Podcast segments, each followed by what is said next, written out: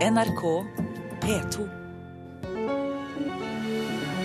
Og her i Nyhetsmorgen og Kulturnytt fortsetter vi med Fredagspanelet. Tre tema fra uken som har gått, og tre personer til å snakke om dem. I dag Arild Rønsen, redaktør av Puls, god morgen.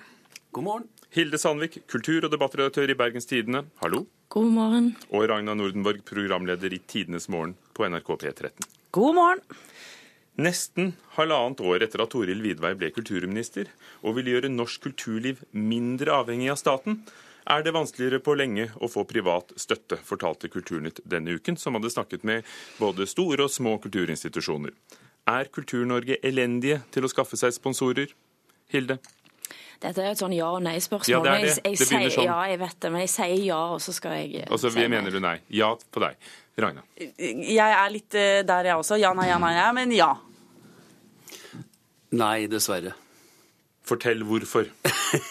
Jeg må si at jeg har eh, Dette er prosjektet til eh, Toril Vidvei om at det skal bli så mye bedre med å få privat kapital og sånn inn. Jeg har ikke noe særlig tro på det, men jeg må jeg finner grunn til å få I dag, da. Altså jeg syns at det har vært så Jeg har hatt så mange dårlige opplevelser med private sponsorer, f.eks. på Molde International Jazz Festival, hvor det skal være en sånn stille, rolig konsert, og så, kommer, så er det en eller annen hovedsponsor som har betalt 200 billetter, og 100 av dem er opptatt, og de andre 100 er på fest ved siden av, men de 100 som er der, har også 3,0 i promille, og ødelegger hele konserten. Og jeg liker ikke hele det konseptet.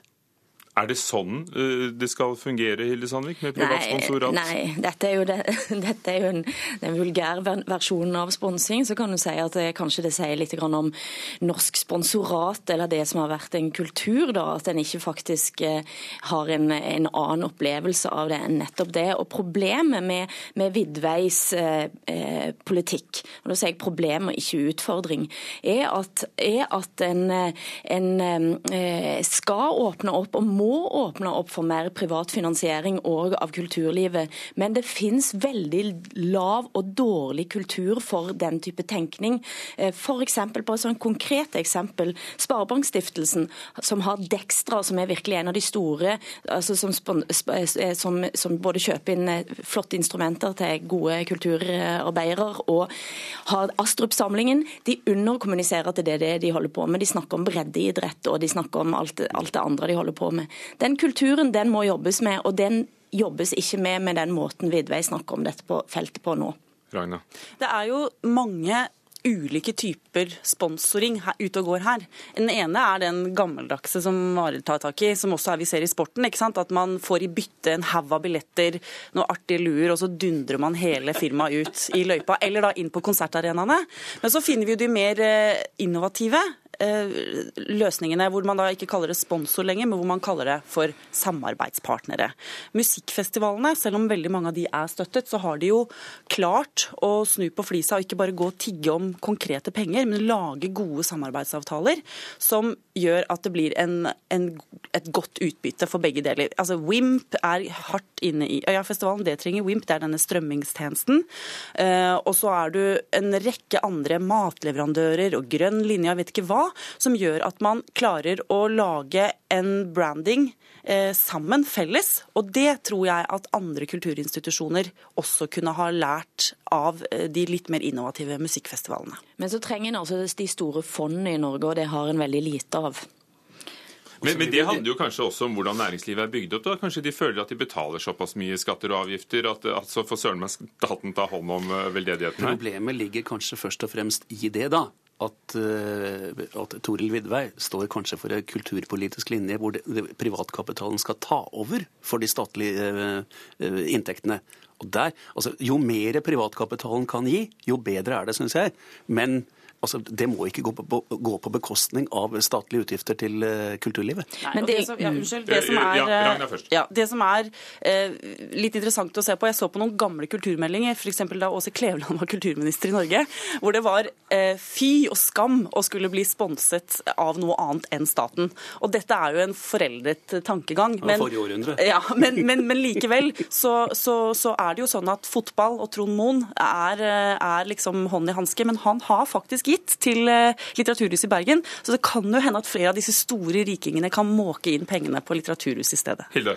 Ja, altså Den skal jobbe med den kulturelle kapitalen parallelt. og Det er jo feil å snakke om, om dette, altså om denne regjeringen har strupa helt offentlig støtte. Det er minimal forskjell eh, på den forrige og nåværende regjering. Men det er en forskjellig måte å snakke om det på. Og Jeg skulle ønsket at Toril Vidvei hadde snakket om dette på med en større troverdighet.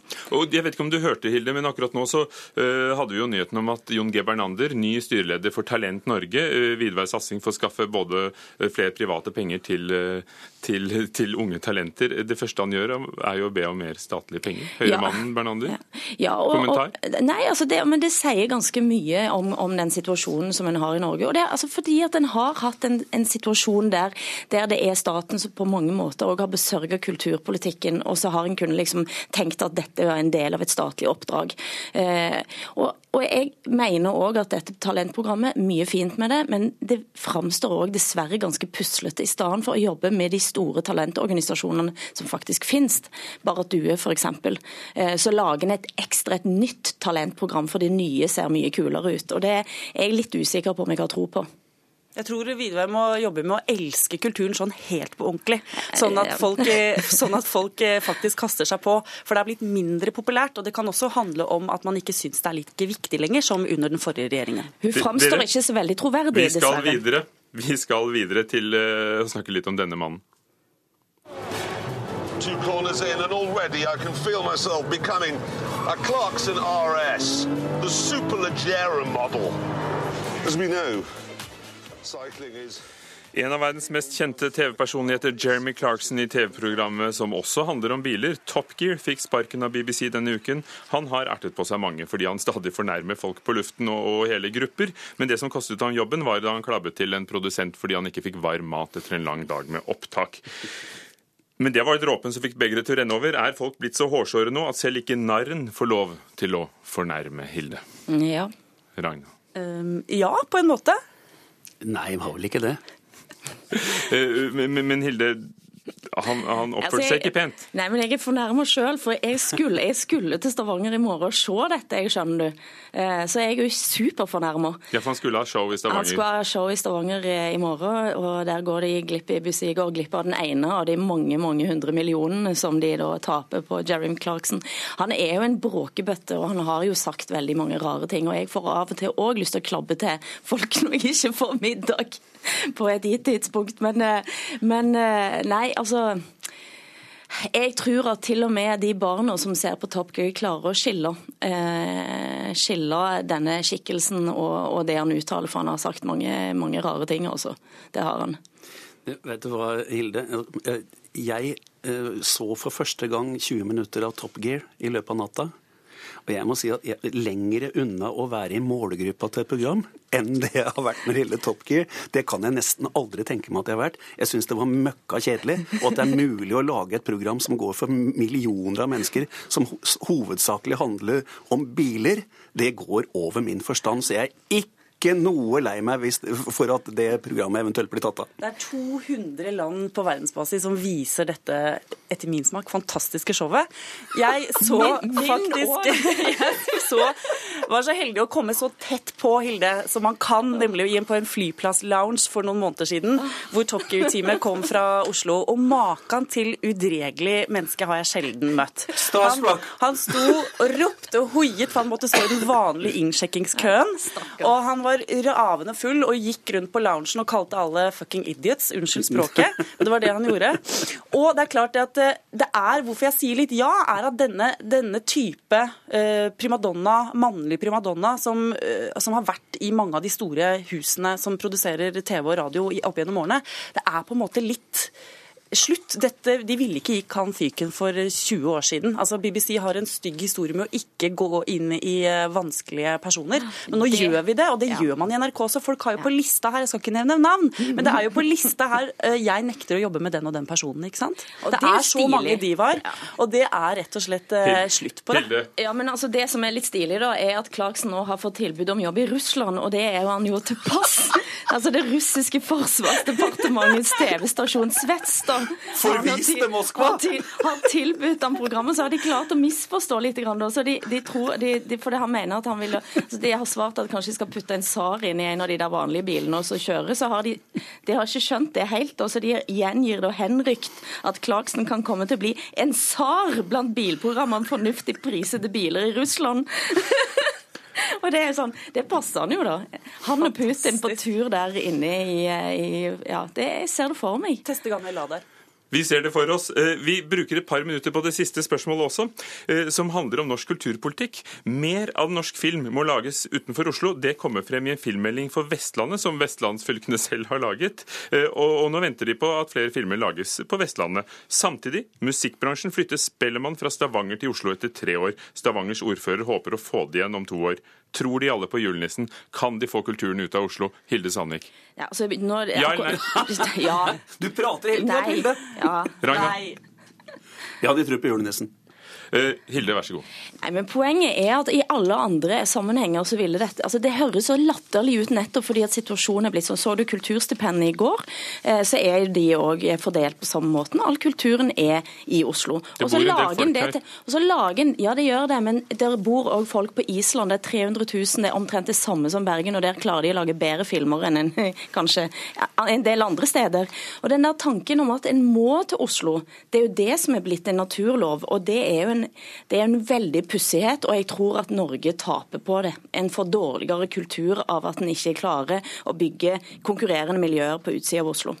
Og jeg er helt enig i at eh, er det noe man kan selge, så er det selvfølgelig locations til utenlandske filmprodusenter som ikke er i Oslo. For Oslo er ikke spesielt vakker med tanke på hvor mye vakkert det er rundt omkring i landet. Men å lage parallelle, tunge filmmiljøer gjennom norgeskartet, det har jeg ikke noe tro på. Det er så hardt pressa allerede. Så det å på en måte tro at man kan bygge opp svære filmmiljøer, det har jeg ikke noe tro på, rett og slett. Men at man har godt av, også som forbruker, å se Norge eh, og, og byer og mennesker som lever i andre miljøer, sånn som Yngvild Flikkes siste film, som er fra Tromsø, nei, Trondheim, unnskyld, det var fantastisk.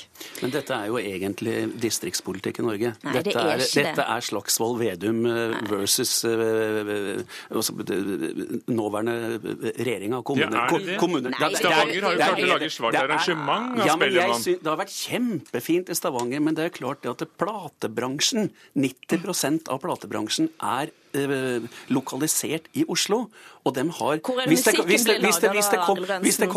altså, er musikken blir laga? ja, musikken, Det er veldig fint. Jeg elsker Morten Abel og, og DumDum Boys og Trondheim og alt det der. Men det store prosjektet Det er ikke det at jeg er noe for å ha det i Oslo, men jeg skjønner det veldig godt, for det blir så mye større i Oslo. Så mye flere folk i bransjen som kommer.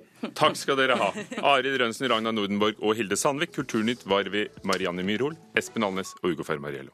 Hør flere podkaster på nrk.no podkast.